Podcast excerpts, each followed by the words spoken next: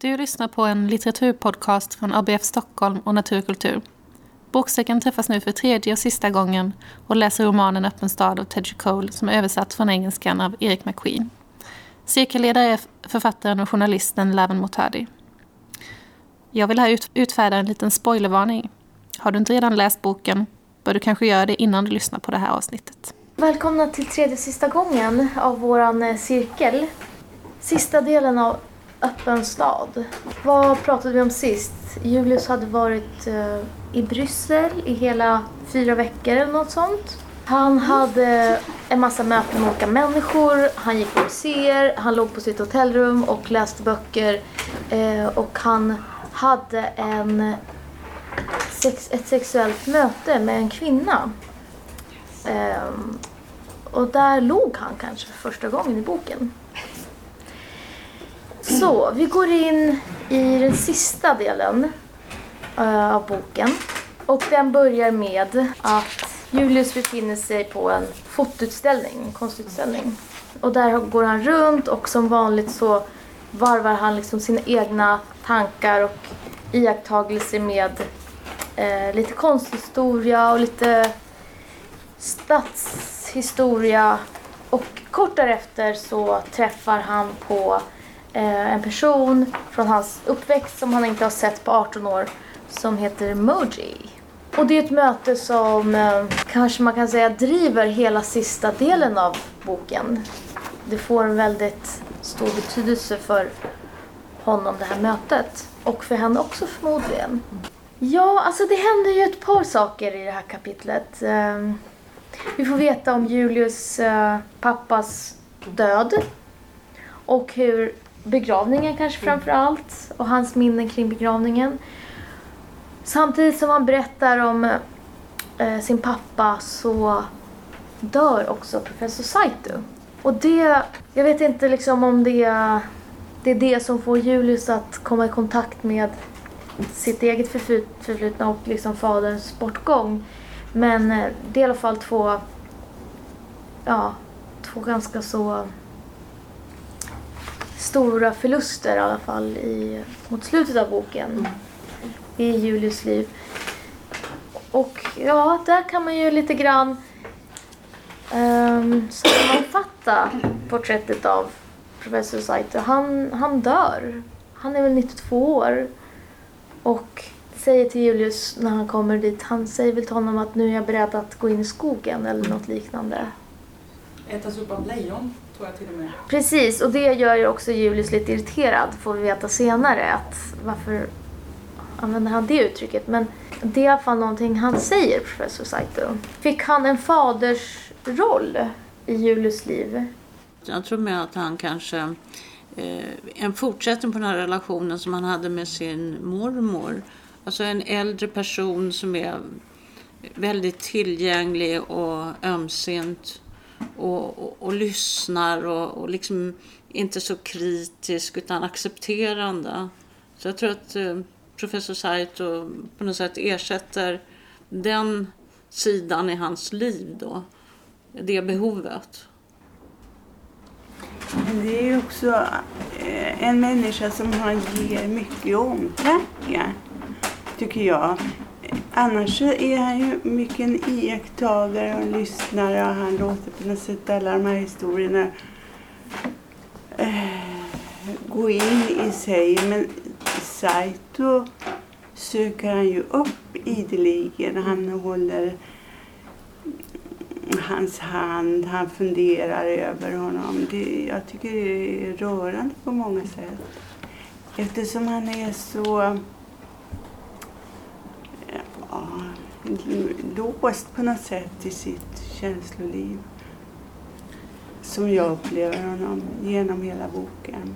Han är verkligen en, en vidöppen lyssnare men han ger väldigt lite tillbaks.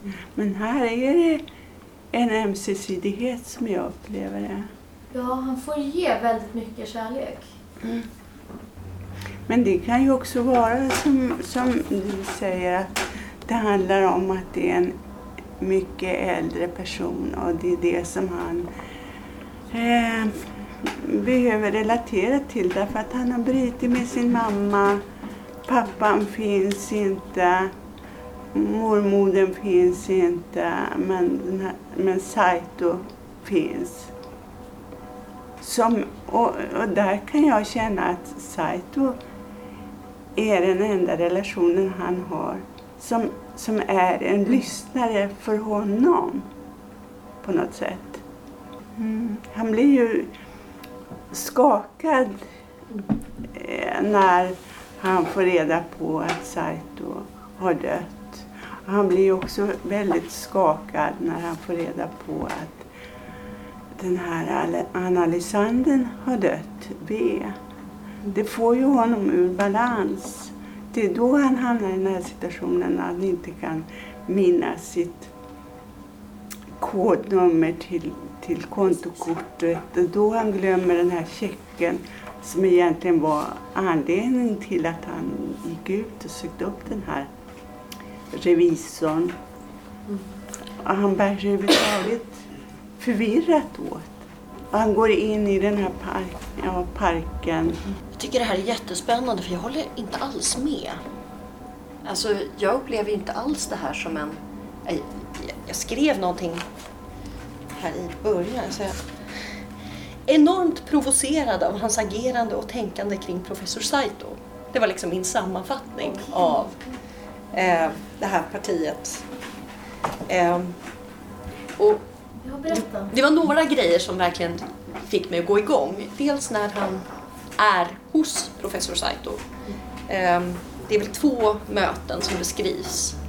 Och det första mötet då, när professor Saito pratar, liksom berättar någonting som han tycker är viktigt, så uttrycker Julius för sig själv, får man då förstå det, på sidan 202.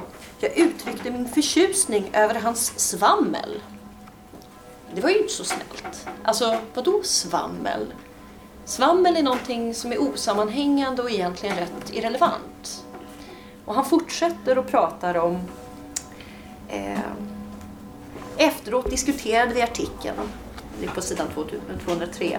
Efteråt diskuterade vi artikeln och även det gjorde jag en aning distanserat. Det var ett slags partytrick. Ett upprätt, att upprätthålla ett samtal av det här slaget och hela tiden vara fullständigt distraherad. Så det här tycker jag är väldigt utmanande, den här idén att det här är en viktig person för honom. Men när han väl är där, då är, då är han distraherad, han är inte närvarande. Och det här är en person som han säger betyder jättemycket. Och, och så går han ju vidare då och, och kommer in på det här med partnerskap.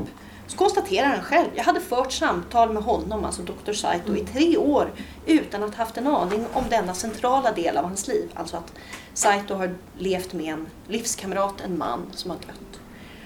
Och när jag väl fick reda på det här hade det inte funnits någon anledning att föra det på tal. Alltså även här upprepar han detta att detta ska vara en viktig relation men han är inte närvarande och centrala delar finns liksom inte i relationen utan det är sånt som kommer upp någon annanstans och sen förs det inte på tal. Så jag, jag vet inte, jag, jag kände att...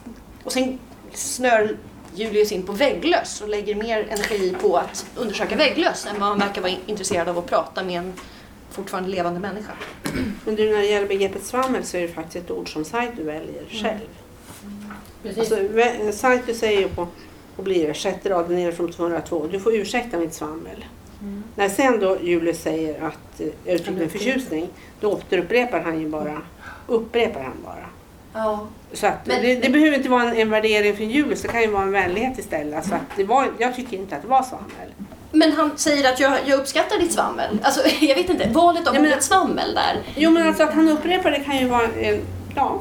Men en person som säger, jag ursäkta att jag svamlar, känner sig inte trygg i det de uttrycker.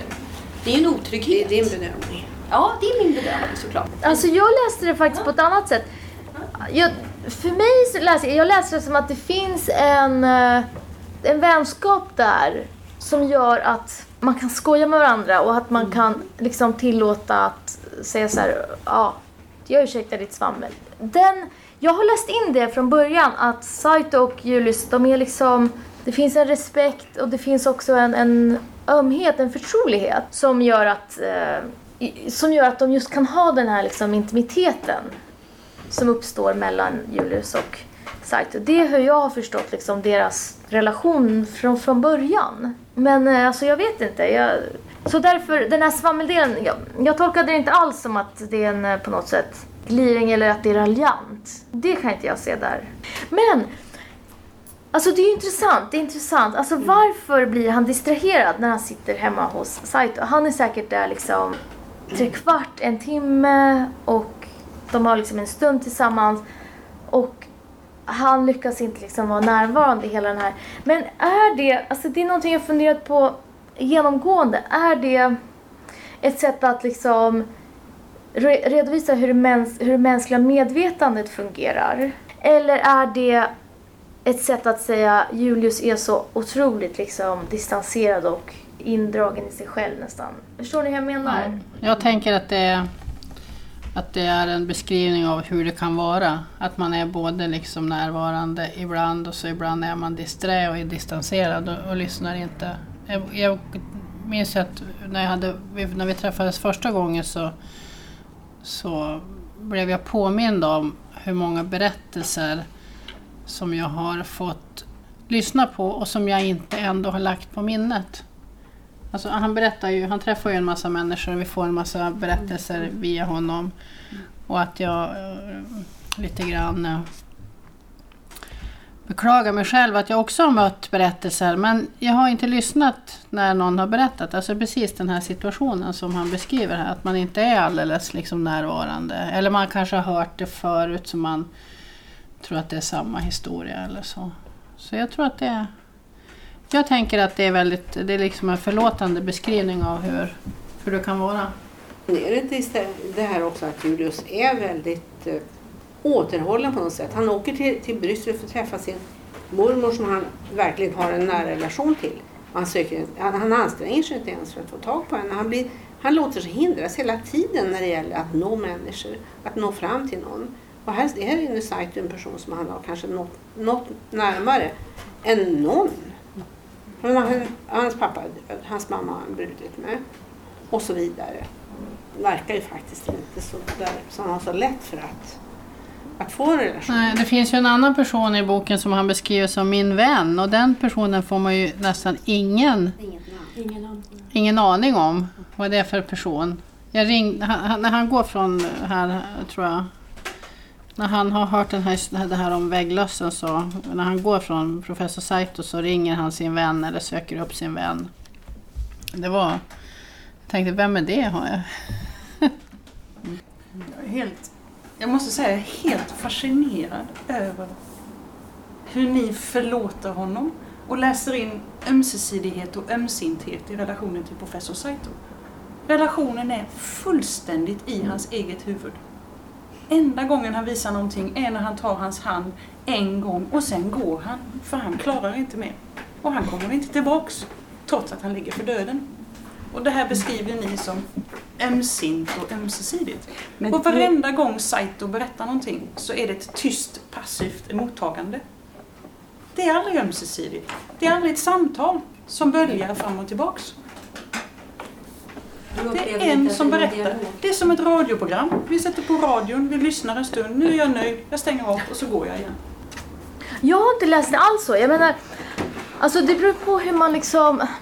Det beror på hur du tänker att den här boken ska utspela sig. Det finns i princip ingen dialog. Det finns ingen som säger... Det här är liksom inte som ett och sen sa jag och sen han. Det här är ju någonting helt annat. Det är en annan typ av berättarröst. Det är liksom en annan typ av struktur. Ehm, ehm, att till exempel han inte var där när han dog. Alltså, jag var inte närvarande när min farmor dog. Jag var liksom, hon var i Uppsala, jag var i Malmö. Jag var en vuxen kvinna, jag kunde ha åkt dit. Och jag är uppvuxen med min farmor.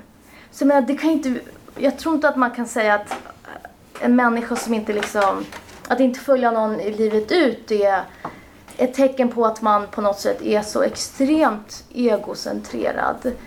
Jag, jag kan inte alls läsa in att han är liksom så helt, han är liksom nästan socialt dysfunktionell. Det är han. Jag skulle absolut inte se det. Jag menar, alltså, i så fall är jag också det. Jag menar, det här är ju... Nej, det här är ju inte så, samma sak. Att inte närvara i sig är inte faktumet. närvarande, inte närvarande. Det säger inte att det är samma sak för dig.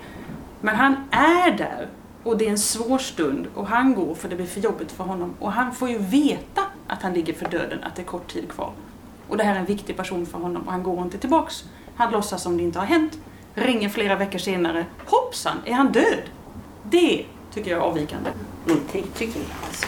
Jag tycker inte heller Det är väl väldigt, väldigt lätt döden. När, han- när Absolut professor. Saito har dött så inser han ju att det finns ju ingen det är en relation som bara nästan de känner till, möjligtvis den här sköterskan. Ingen av professor Saitos släktingar känner till det.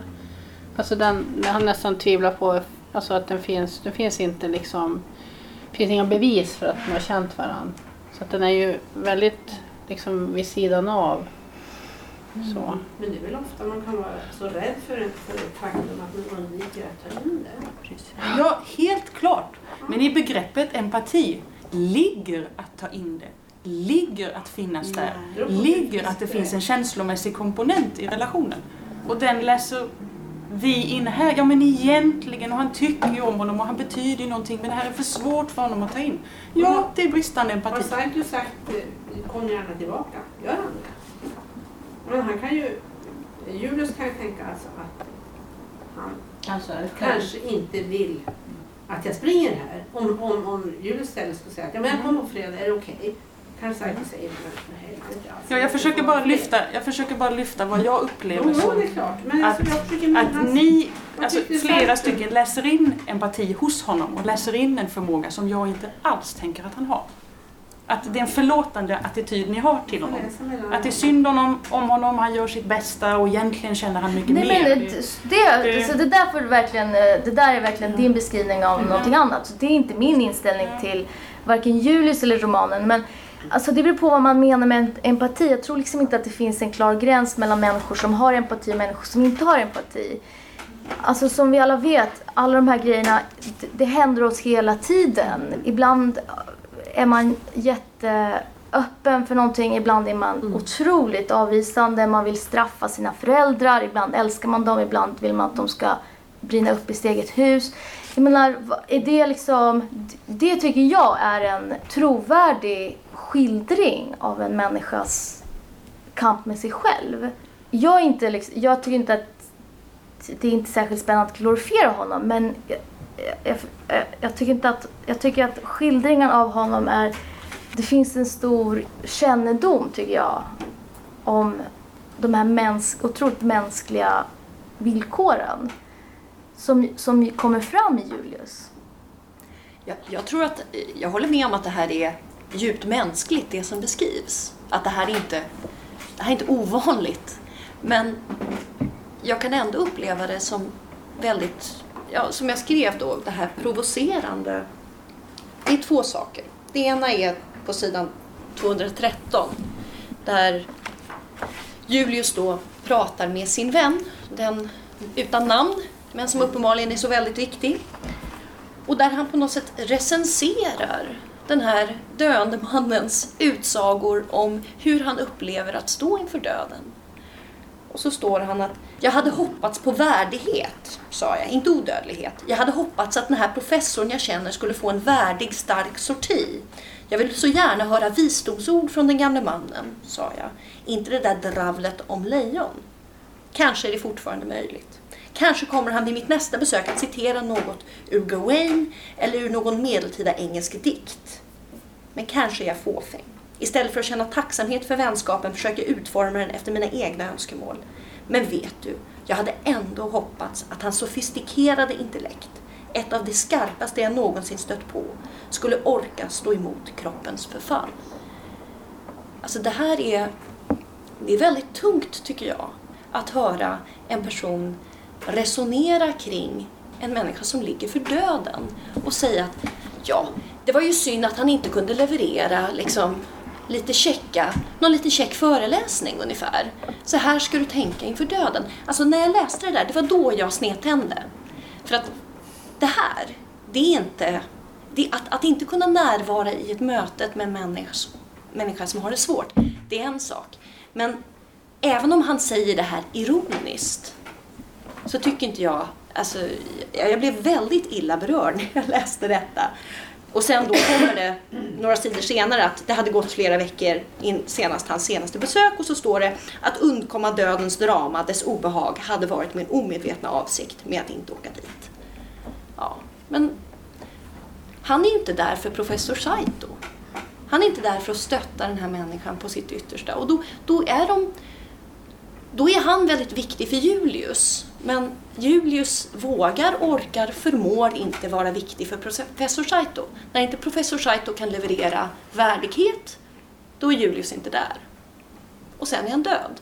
Så att jag, jag tycker att det här är svårt. Även om det säkert är väldigt mänskligt så är det inte någonting som jag tycker är särskilt positivt. Det är ingen fin person som liksom framträder i det här beteendet. Inte att han inte var där, men att han recenserade samtalet på det sättet. Det du, det du säger Lauren, det är precis, eh, precis det jag tänker. Alltså, varje människa för en kamp med sig själv. Med sina olika impulser. Och det är precis det som för mig är mänskligt. Det är just att föra en kamp med sig själv. Alla de olika drivkrafter man har och tankar och känslor. Men jag upplever inte att det är en kamp för honom. Det är, precis, det är ingen inre kamp för honom. Av samvetskval, av skuld, av skamkänslor. Eh, alltså det är mer en serie observationer. Man upplever inte hans inre konflikt kring hur det blir. Det är, väl, det är väl där det brister för mig och det är därför jag tänker att han inte är empatisk. Inte att han har impulser som man kanske inte vill ha, utan det är att han inte har en inre liksom, dialog med sig själv. Jag tror att jag i den här... Förlåt. Uh, jag tror att jag i den här sista läsningen tänkte på boken som text. Eh, och att i den här, alltså inte att, och texten, eh, i texten så möter vi olika eh, Alltså, just den här sidan som du tog upp.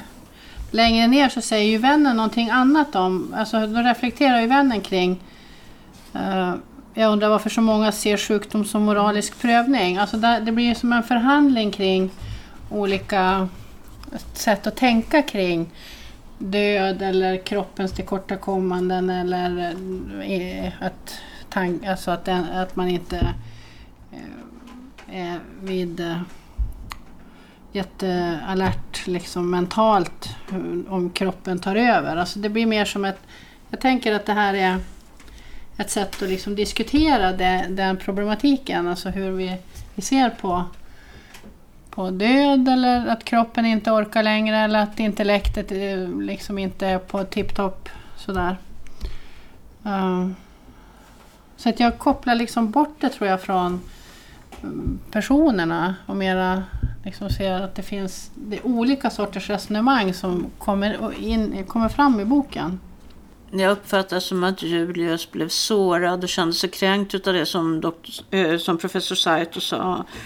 Äh, jag vet inte hur ni gör i Afrika, men jag måste säga att jag är redo att gå in i skogen. Jag är redo att gå in. Det är dags för mig att gå in i skogen och lägga mig ner och låta lejonen ta mig. Och och det där står på sidan 211. Och, och, jag menar, och där eh, säger sen på sidan 214, vännen, jag antar att du ogillar hur din professor uttryckte sig om lejon. Men se det inte som en skymf mot afrikaner. Du vet att det inte var så han menade. Och jag tror att det där är nyckeln till det här. Att han går inte tillbaka för att det här som han fick höra då, liksom att jag ska gå in i skogen och låta lejonen ta mig. Det var Ehm, det sårade Julius. Ja, för det är också så här... Eh, eh, han generaliserar ju där, doktor Saito. Men Julius, jag vet inte hur ni gör i Afrika. Alltså det är väldigt, liksom... Han greppar ju stort där, professor Saito. Och så, har, eh, och så upplever man att det är just hans, hans föreställning om... Han har en föreställning om vad, hur, man gör, hur ni gör i Afrika som han berättar. Jag, tror också att, jag uppfattar också att det var liksom någonting som det krockar lite där mellan dem. Ja, hur tolkade ni, alltså fastnade ni för den här delen där professor Saito uh, pratar om uh, homokampen? Ja, dels det och sen att han uh, också när de här vägglössen kommer så är det liksom Vägglössen var till och med värre än homofobi och rasism. Står det också. Ja, på sidan 205 står det. Vad har jag skrivit upp? Hans dust med vägglössen besvärade mig mer än allt annat han hade fått utstå. Nej, det kanske är... Ja, just det. Det är, det är inte professor Saito, det kanske är Julius. Just det, det är Julius egen, eh, alltså det är hans... Ja. eh, Ja, han blir ju ganska upptagen av de där vägglössen. Ja, han blir väldigt upptagen av det. Det är liksom... eh, ehm, Ja, du, men nu, jag stack iväg där med någonting. Du, Ja, men eh, det är absolut ingen fara. Jag la märke till att det gjordes ganska så... Eh, alltså att det gjorde att, att, att han på något sätt kommer in i eh, det här på ett sätt som inte är att nu ska han deklarera någonting eller nu ska han föreläsa om det här eller någonting. Utan han, han alltså jag, jag la märke till ordet fira. Han säger så här. Professor Saito ansåg att landvinningarna för, homo- för homosexuellas lika rättigheter var välkomna och att ur hans perspektiv, efter att ha följt dessa under en hel livstid, tedde sig processen obeveklig. Det fanns mycket att fira. Alltså att, att det är ett sätt för honom att säga att professor Saito är homosexuell. Men han säger det på ett annat sätt. det är Ehm, ingenting som har antytts, så är det som man har liksom läst mellan raderna, inte jag i alla fall har läst mellan raderna tidigare. Nej. Det är här det liksom... Det, det är här en, första gången som... Jag tyckte bara att det var ett intressant val att flätta in den delen om professor Saito i, i liksom den stora berättelsen. Jag undrar vad de har pratat om i tre års tid. Alltså, även här så reflekterar ju Julius över att på sidan 204 då. Sådan var professor Saito särskilt efter att han hade gått i pension. En sällsam kombination av diskretion och öppenhjärtighet. Och öppenhjärtighet. Jag önskar att jag hade frågat honom vad hans framlidne partner hette. Han skulle ha berättat det. Och så vidare och så vidare. Och det är som att återigen så är det de här möjligheterna som finns i Julius huvud som han väldigt sällan realiserar. Så möjligheten att träffa Åman när han åker till Bryssel, möjligheten att. Och det tycker jag är intressant. Att de möjligheterna finns hela tiden men det händer som sagt inte så himla mycket i alla lägen. Ja, varför visste han inte det? Alltså om partner menar jag. Varför visste han inte om den människans Han har ju valt att inte roll? Han har ju valt att inte fråga. Han säger ju själv att det här är inte någonting som har kommit upp i hans samtal med Saito utan han har ju fått reda på detta på annat håll. Och sen så har väl Saito nämnt i förbigående några gånger. Alltså, han beskriver två situationer då. Vid två tillfällen har det kommit upp. Ehm, Så det här är ju någonting som Julius har känt till. Det är inte någonting som kommer nu. Så han har vetat om det här men har inte ställt några frågor. Och inte liksom uttryckt det. Och det låter ju ändå som att det hade funnits möjligheter att ställa frågor. Till exempel om de här samlingarna som finns där hemma. Hos professor Saito. Lite sånt Ja, där. just det. Samlingarna. Hans eh, partners konst, eller? Och sen i just det här mötet så säger han, men hur gärna jag än hade velat var jag oförmögen att vara helt närvarande i samtalet och kunde inte styra det i denna nya riktning. Alltså att utforska de här frågorna som han vill ta reda på. Så att de Ja. frågorna förblir ju obesvarade helt enkelt. Det kan Jag tänkte, kan det inte vara så också att Saito har undvikit det här ämnet? Det har inte varit det som har varit anledning för dem att träffas och fråga vad de kan ha pratat om. Kanske om litteratur. Det var ju det som var gemensamt för dem. Ja, men om man är vän så kan man ju prata om andra saker än litteratur. Men det kan väl vara en rädsla för att överhuvudtaget prata om sexualitet. Eller en känsla av att det är för privat. Va? Jag har inte upp det om inte du gör det. Om, inte du... om båda har den upplevelsen så.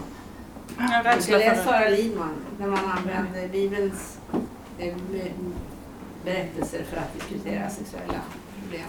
Jag skulle säga det är inte rädsla för att bara prata sexualitet, det är rädsla för att få kontakt. Ja. Det är bättre att berätta, alltså, berätta historier som har förekommit någon annanstans i en annan tid och passivt alltså, förmedla dem än att faktiskt ställa frågor och visa intresse. För jag, tycker, Nyfikenhet. jag tycker det är så roligt, han upplever ju att varje möte med Saito har gett så mycket. Och sen mot slutet så ger det ju inte så mycket. För han blir säkert förvirrad, han blir trött, det blir inte de här visdomarna han har tänkt. Och då vill han inte komma tillbaks. För jag tycker det var så himla fint. Alltså Saito försöker faktiskt på sidan 204. Du är fortfarande ung Julius. Akta dig för att stänga för många dörrar. Jag hade ingen aning om vad han menade. Nickade bara och iakttog hur hans spindellika händer långsamt dansade runt varandra i det dunkla rummet. Och så tänkte han på vägglössen. Ja, Saito försöker nå honom, försöker säga någonting, försöker förmodligen säga något om det han ser hos Julius. I hans oförmåga och han kan inte ta in det alls. Jag vet inte om det är relevant i det här sammanhanget men eh, det kan ju också vara så att en person som man har haft en intellektuell relation med eller diskuterat litteratur och det är liksom det, är det som är kärnan, eller mm. kanske möjligtvis kärnan då, vi vet ju inte riktigt i den här kontakten som de har.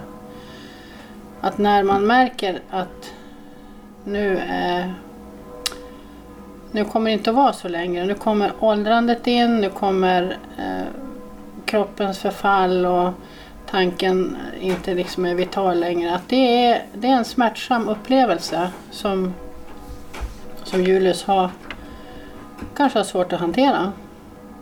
Man ska ju...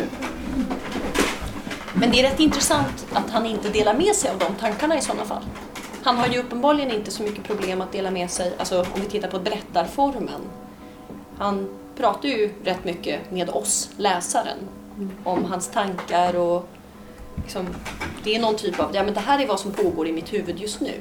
Så då är det ju intressant om alla de här funderingarna eller reflektionerna kring att oj vad det här var jobbigt för mig. Alltså inget av det skrivs ju ut i klartext utan då, då blir det ju en sån här liten notis om att jo min, min avsikt var nog ändå att undvika den här, min omedvetna avsikt. Alltså det är väldigt mycket omedvetet som händer verkar det som för Julius samtidigt som han verkar vara väldigt medveten av det som händer eftersom att han hela tiden berättar då vad som... Hela den här boken är ju, en, är ju hans tankar. Ja, Men är han inte medveten om att han har väldiga hämningar, eller vad man ska kalla det? Det finns säkert väldigt mycket för Det, fi, det Han fin, i sin förmåga. Han försöker det handlar om att han försöker komma underfund med vem han är själv. Och det går ju inte så fort och han är inte så gammal heller i och för sig. Det finns en liten historia i början av boken och då är han också hos Saito så går han därifrån och det är maratonlopp. Kommer ni ihåg det? Just Och då gör han sällskap med en man som kommer från loppet i gympakläderna. Och eh, de börjar prata och eh, Julius funderar lite grann ungefär att hur kan det kännas att vara så ensam? Ingen tog emot honom. Eh, han fick gå därifrån med sin seger utan att någon såg det. Någonting sånt. Och sen skiljs de i något gathörn och går åt varsitt håll och Julius vänder sig om och tittar efter den här mannen. Och så slår det honom, nu kommer jag inte ihåg varför, men det slår honom, det kanske är mig det är synd om. Minns ni den? Mm. Visst. Kanske det boken handlar om. Det är ganska fantastiskt. Och det är en liten, liten berättelse. Just det, just det. Men hans pappas död då? Hur har ni tolkat hans bearbetning av den? Och begravningen framförallt. Begravningen han minns. Precis det där han säger också, eller på sidan 264. Min erfarenhet av döden var begränsad, mer än begränsad. Ingen jag kände väl hade dött. Och det tänkte jag också när man skrev, eller ja, berättelsen kring Saiton. Det var min tanke att han aldrig hade varit med om den tidigare rädslan. Hans erfarenhet av döden innan pappan, det är ju en bilresa till skolan där chauffören kör på en lite blickad som dör. Det. Var mer än jag hade upplevt av döden innan jag var 14. Du menar pappan så, ja. Alltså pappan dör när han är 14. Mm. Men alltså, då har han ju redan, hon säger någon annanstans att jo men man har ju sett så här, lik och sånt vid gatu, alltså på gatorna och sånt där. Alltså det verkar ju inte som att han inte har stött på döden eller allvarlig olycka i olika former. Men jag, jag tyckte även den här beskrivningen av, det kändes återigen väldigt distanserat fast en 14-årig pojke har jag andra förväntningar på än en 32-årig man. Ehm, alltså, det man får berättat om det här det är ju liksom tidigare i boken så står det ju också om det här det stoiska. Att det här var ingenting som skulle, liksom, man ska ju inte visa de här känslorna. Det var väldigt tillbakadraget. Mamman var inte ens närvarande under mottagningen och sånt där får man lära sig nu. Och han pratar mycket om den här skräddaren. Och sen så när... Vet inte, det känns ju som att han håller på att prata om den här... Det är som en teaterföreställning va? Den här begravningen. Och han börjar reflektera över, ja var det begravningsmässigt varmt eller var det inte det? Ja, när Gustav Mahler begravdes, då var det ju liksom mycket finare och bättre. Alltså det är hela tiden någon annanstans som han befinner sig.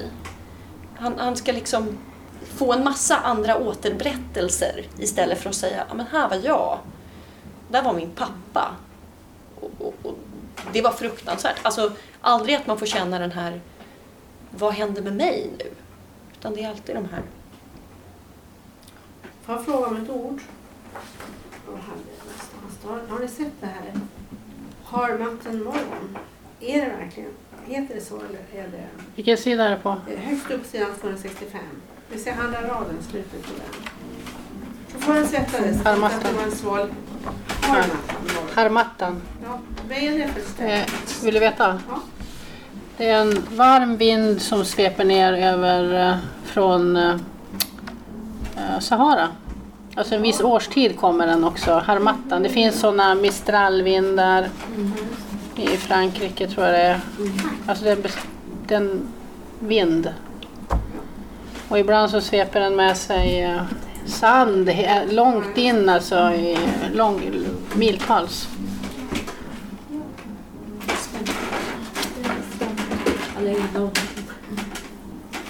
Så det var en sval Harmattamorgon. Den hade, det, till skillnad från en, att det hade kunnat vara riktigt varmt tror jag. Mm-hmm. Men alltså, det här sättet på, han, på vilket han håller på, liksom, när han beskriver den här lilla flickan. Jag tänkte inte på den lilla flickan senare den dagen, eller dagen därpå, eller vid något tillfälle efter det. Och jag sa ingenting om henne till mina föräldrar eller någon annan. Och sen kommer det upp då i samband med pappans begravning. Men då var det som att det var något jag hade drömt om eller hört berättat av någon annan. Han är 14 när det liksom, när han, det, här, det här är liksom hans inställning. Han är ju fruktansvärt avstängd. Det här är något som han har, han är ju helt avstängd. Redan där.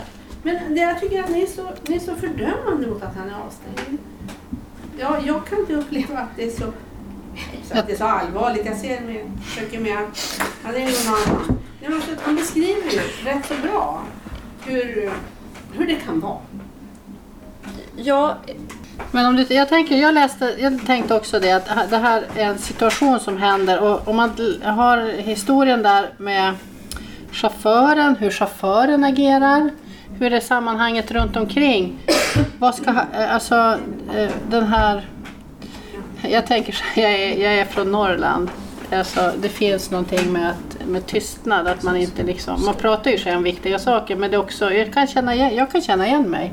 Jag är uppväxt i, där man, man sa inte så mycket. Det, för mig är det inget konstigt. Däremot så var det ju kanske inte så att man inte kände någonting men man kanske inte formulerade det. ja, fast vi hör ju inte hans, det han säger till andra utan det här är vad han tänker för sig själv. Och det är där jag tycker det blir så konstigt. När han berättar, jag tänkte inte på den lilla flickan, det här är en- återberättar han ju. Han återberättar ju en situation där han har varit tyst. Vi får ju få veta att så här gick det till. Att, eh, det är ju inte så här... eh, ja, det är ju, eh, det är ju dåtid alltså. Tempuset är ju dåtid. Ja, redan då blev han empatistörd. Redan då. Men tillbaka till chauffören. Jag skulle vilja prata om honom. Jag menar, han är ju lika eh, inne i den här eh, situationen. Det är ju en hemsk upplevelse. att vara med om. Alltså chaufförens enda tanke när han rusar in där på sjukhuset, som jag minns det nu, är att hur ska jag klara mig undan det här? Rädda mig, ropar han till en läkare. Och jag, jag kan, det är också ganska hårt, men jag kan förstå att, att han hamnade i en skräckfylld situation. Förstår ni? Mm. Det är ju precis lika empatistört som du säger. Att bara tänka på sig själv och sin egen överlevna, överlevnad när man precis har kört över ett barn. Men det är också, tycker jag, mänskligt att göra det. Och, och för um, Julius var det säkert skräckfyllt. Och då stänger man av sig.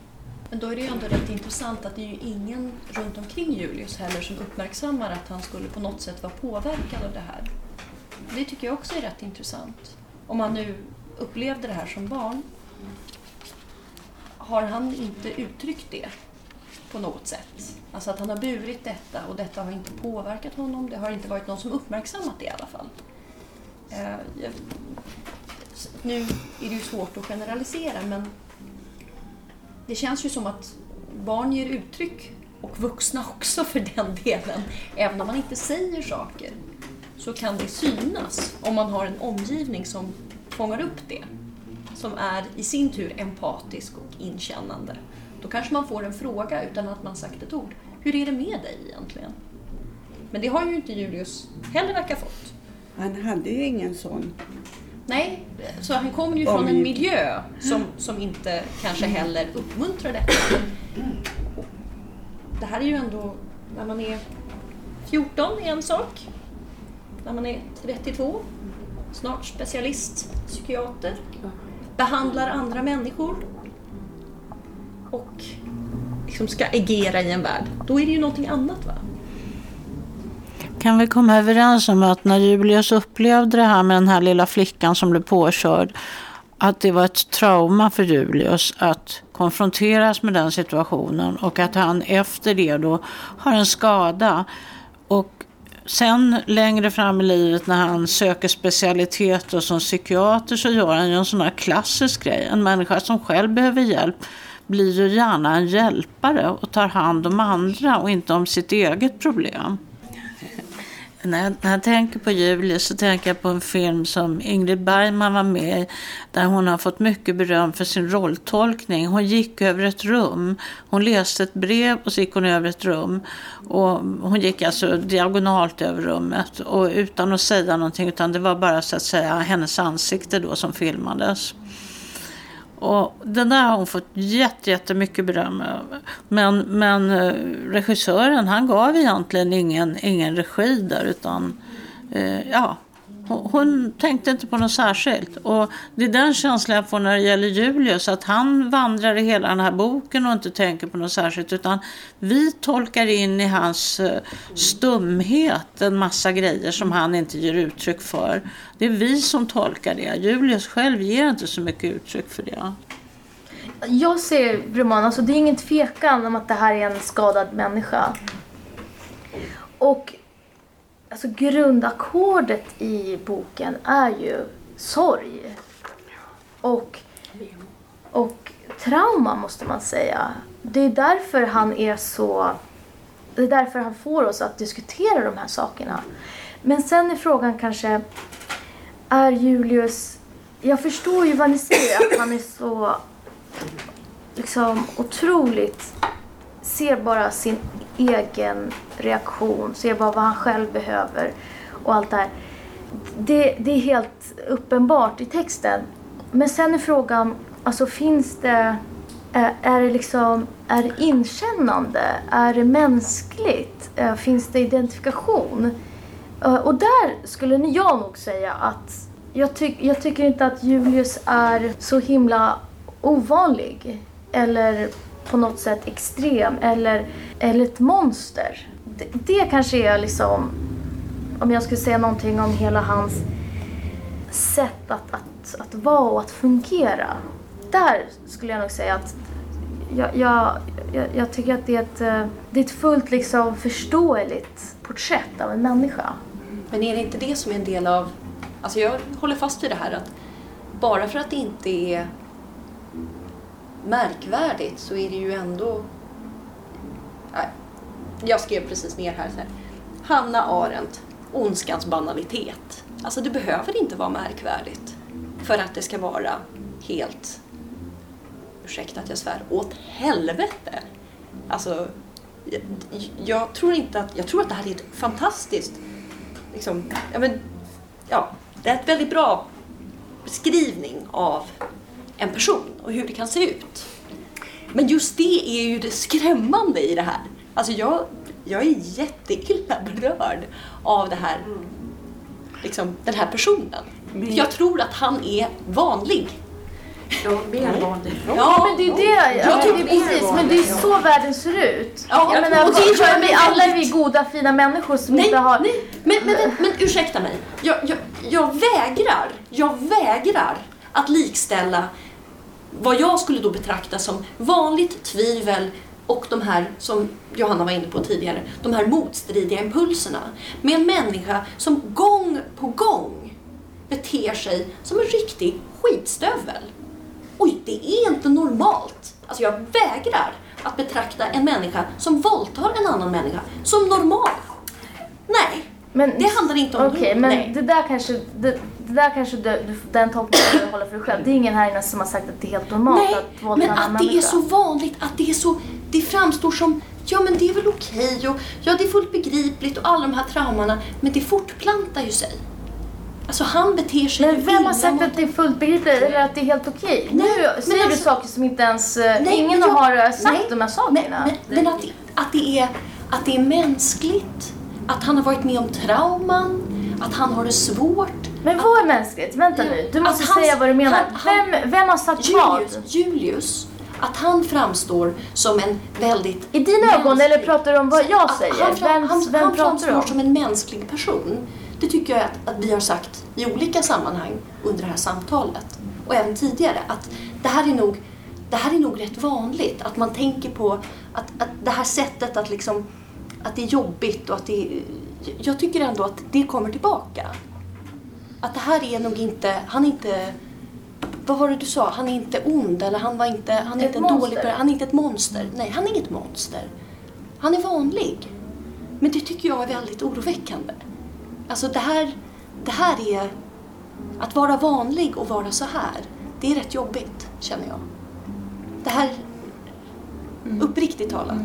Det, här, det här är inte roligt att det här är vanligt. Men det är ingen som, alltså jag vet inte om... Äh, men jag- jag så mycket- debattsvar mot mig. Alltså det, Nej, det jag har inte sagt att det här är bra. Det är inte trevligt att vara på ett visst sätt. Ibland, eh, det är inte heller bra att våldta människor. Jag, jag tycker inte heller det. Men jag säger någonting annat. Och jag, det är inte det, jag tror inte heller att romanen går ut på att normalisera våldtäkt. Nej, nej, gud nej. Nej, nej, nej, nej. Det har jag inte, säger inte jag heller. Men jag tycker att det är det som är så utmanande i det här, den här boken. Att den visar verkligen det vanliga. Alltså det här är... That's what I've been saying the whole time. Det är det jag har sagt. Jag menar, det här är ju, det är precis det som är så fantastiskt med det här porträttet. Ja, Att det är liksom, men då lägger jag till då att jag tycker att det är väldigt obehagligt. Det tycker jag. Jag tycker det här är obehagligt. jag kan bara hålla med. Ja, Det är, inte, det, det, ja, det är men- lika obehagligt som krig. Det, jag håller helt med. ja, men då så. Då är jag tillbaka till att den här personen, hur vanlig han än är, är inte en person som jag känner någon större sympati för. Men det behöver du ju inte göra. Nej, nej, nej. men alltså jag, jag tycker det är så spännande att jag fastnar verkligen för hur osympatisk jag tycker att han är. Och det, alltså det, det är intressant att jag engagerar mig så mycket i hur osympatisk jag tycker att han är. Alltså, det är väldigt, väldigt jobbigt att läsa den här personen. Att läsa till slutet. Alltså, jag, har, jag började första gången, när jag pratade första gången på, och båda de tidiga gångerna vi har varit här. Jag har ju läst hela boken. Jag hade ju läst den när jag kom hit första gången. Så att jag, har liksom, jag hade läst hela boken när jag hade varit här. När jag var här första gången. Så att jag började med att säga, jag läste här lite i affekt va. Och det är den här starka känslomässiga reaktionen jag har på den här texten. Så den är fantastiskt skriven. Men det är väldigt jobbigt om det. Om det. Men jag kan tro på att det här är vanligt. Och det är en fantastisk bok. Men oj vad jobbigt konsekvenserna av det är för mig. Så känner jag. Men man behöver inte älska huvudpersonen i en roman. Och man behöver inte älska de där två personerna som man har mitt emot sig i tunnelbanan. Det är ju så. Det är det. Man måste ju kunna skärma av sig och det är en svår konst att göra. Om man jobbar eh, med människor eh, till exempel så möter man ju fruktansvärt mycket människor på olika nivåer och med olika eh, som, som provocerar en på många olika sätt. Det är ju det livet lite grann går ut på, att man ska kunna sortera de här eh, intrycken och emotionerna som man möter. Och jag tycker att den här boken är fantastisk på att beskriva det. Det är det som jag upplever med som bokens behållning, nämligen att man får Alltså det är som att sitta och åka tunnelbana med, med, med 15 andra som har en massa problem. Man behöver inte gå in i alla problemen men man kan förstå dem och man kan hantera dem. Och det tycker jag boken är väldigt bra på att beskriva. Det är ju så i varje möte egentligen. Men då kan man fråga sig, vad är provocerande? Är det, är det Julius, är det författaren eller är det uh, våran upptagenhet vid att analysera Julius? Vilken del av det här är provocerande? För vem? För er två som tycker att, uh, som tycker att vi är förlåtande, eller vi, men uh, de sakerna jag... Jag är väldigt förlåtande och tycker för mycket om Julius. Alltså är det... Vilken... Var någonstans rör vi oss? Handlar det om eh, huvudkaraktären? Handlar det om författaren? Eller handlar det om inställningen till huvudkaraktären? Jag skulle personligen lämna författaren utanför det här. För författaren är ju någon annan än huvudpersonen. Så min frustration här är inte med författaren. Det vill jag vara väldigt tydlig med. Jag är lite skakad. För boken har varit tråkat ut mig i stora delar sen jag började läsa boken för att jag har svårt att engagera mig i vare har någon. Så när vi skulle läsa den sista tredjedelen så hoppade jag fram och tillbaks. Läste lite sådär, för han är ju precis likadan när han kommer tillbaks till New York. Liksom, ingenting har hänt när han var i Belgien. Det var ingenting stor förändring så jag tänkte ah, I have searched myself, stod det. tänkte jag nu kommer någonting, nu kommer han bli verklig, nu kommer jag börja bry mig om honom. Och så började jag hoppa för jag skulle hinna till det här idag.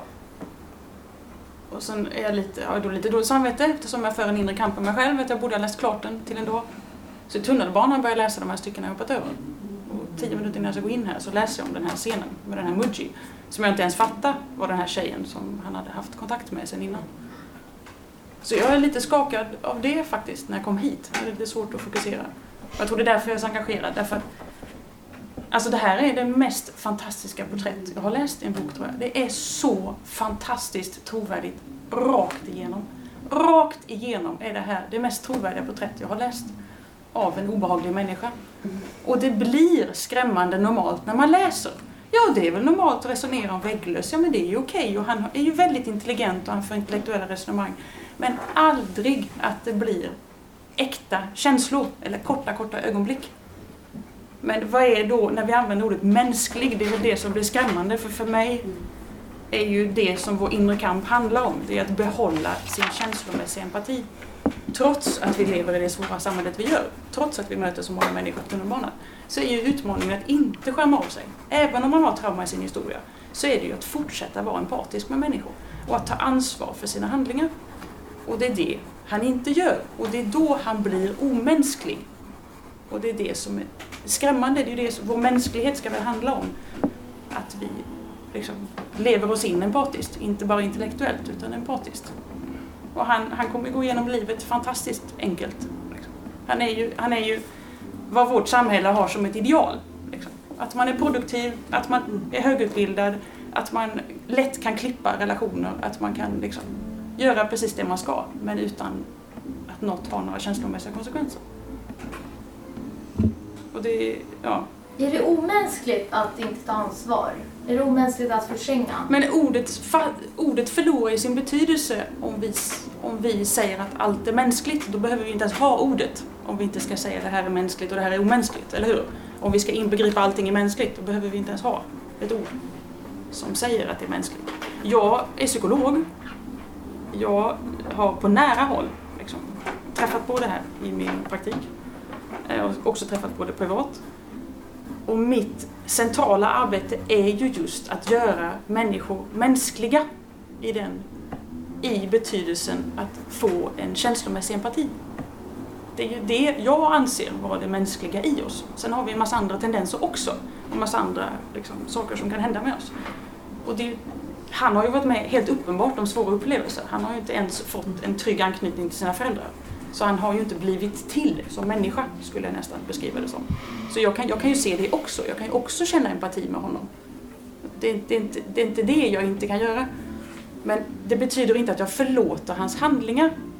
För de måste han göras ansvarig för, för att bli en människa. Alltså, värd namnet. Alltså det, det, ja, nu blir det en lång föreläsning liksom, men jag, jag, känner oerhört starkt för det här. För, alltså, acknowledgement på slutet, alltså, det var chockartat att läsa acknowledgement på slutet. För det var så normalt, empatiskt, varmt liksom. och genialiskt att lägga det sist också. För annars hade det liksom, det var... Men man bara, ja det är så här man ska skriva och man ska känna. Liksom. Det, det är det här som är mänskligt. Det, det, ja. Ja, så därav att det väcker så mycket känslor. Ja, men jag, jag förstår precis. Och jag läste den här boken för eh, nu det kanske ett och ett halvt år sedan. Ja. Och sen dess har varenda människa, alltså varenda människa i min närhet sagt du måste läsa den här, vi måste prata om det här. Jag har haft tid att bearbeta och det finns ju naturligtvis, det behöver jag inte ens säga liksom. Det är inte, jag är inte alls intresserad av det här med liksom, liksom vara förlåtande och säga att Julius han har haft det svårt och har man haft det då, då har man liksom frikort i livet i övrigt. Absolut inte. Men jag är jätte, jag är extremt liksom, hur ska man säga, tagen av alltså porträttet av Julius. Och jag är ju egentligen, alltså Julius går igenom saker och ting och jag är beredd att följa med. Men alltså jag är mer, jag beundrar författaren. Jag beundrar porträttet och det är det som på något sätt tycker jag, alltså driver mig att diskutera boken. På slutet, jag menar Julius... Vi vet, vad ska hända i hans liv? Vi vet inte. Men alltså... Han går ju därifrån och man känner bara så här, men liksom, du behöver seriös hjälp. Man, man kliver ur boken på samma sätt som man kliver in i den. Mm. Alltså, där tycker jag också att han är väldigt... Om vi upprepar då att författaren vet vad han pysslar med. Så är det just... Man börjar med kvällspromenaderna och det slutar med någon typ av betraktelse från en sån här kvällspromenad. Och det är fåglar lite här och var. Så att det är inget slut. Det är ju bara en fortsättning. Fortsättning följer. Men Julius liksom tonar bort där i sin bubbla. Om du vill ha mer av Teddy Cole kan du besöka den nystartade litteraturfestivalen Stockholm Literature på Moderna Museet i Stockholm. Den 26 oktober samtalar Teddy Cole med Daniel Birnbaum.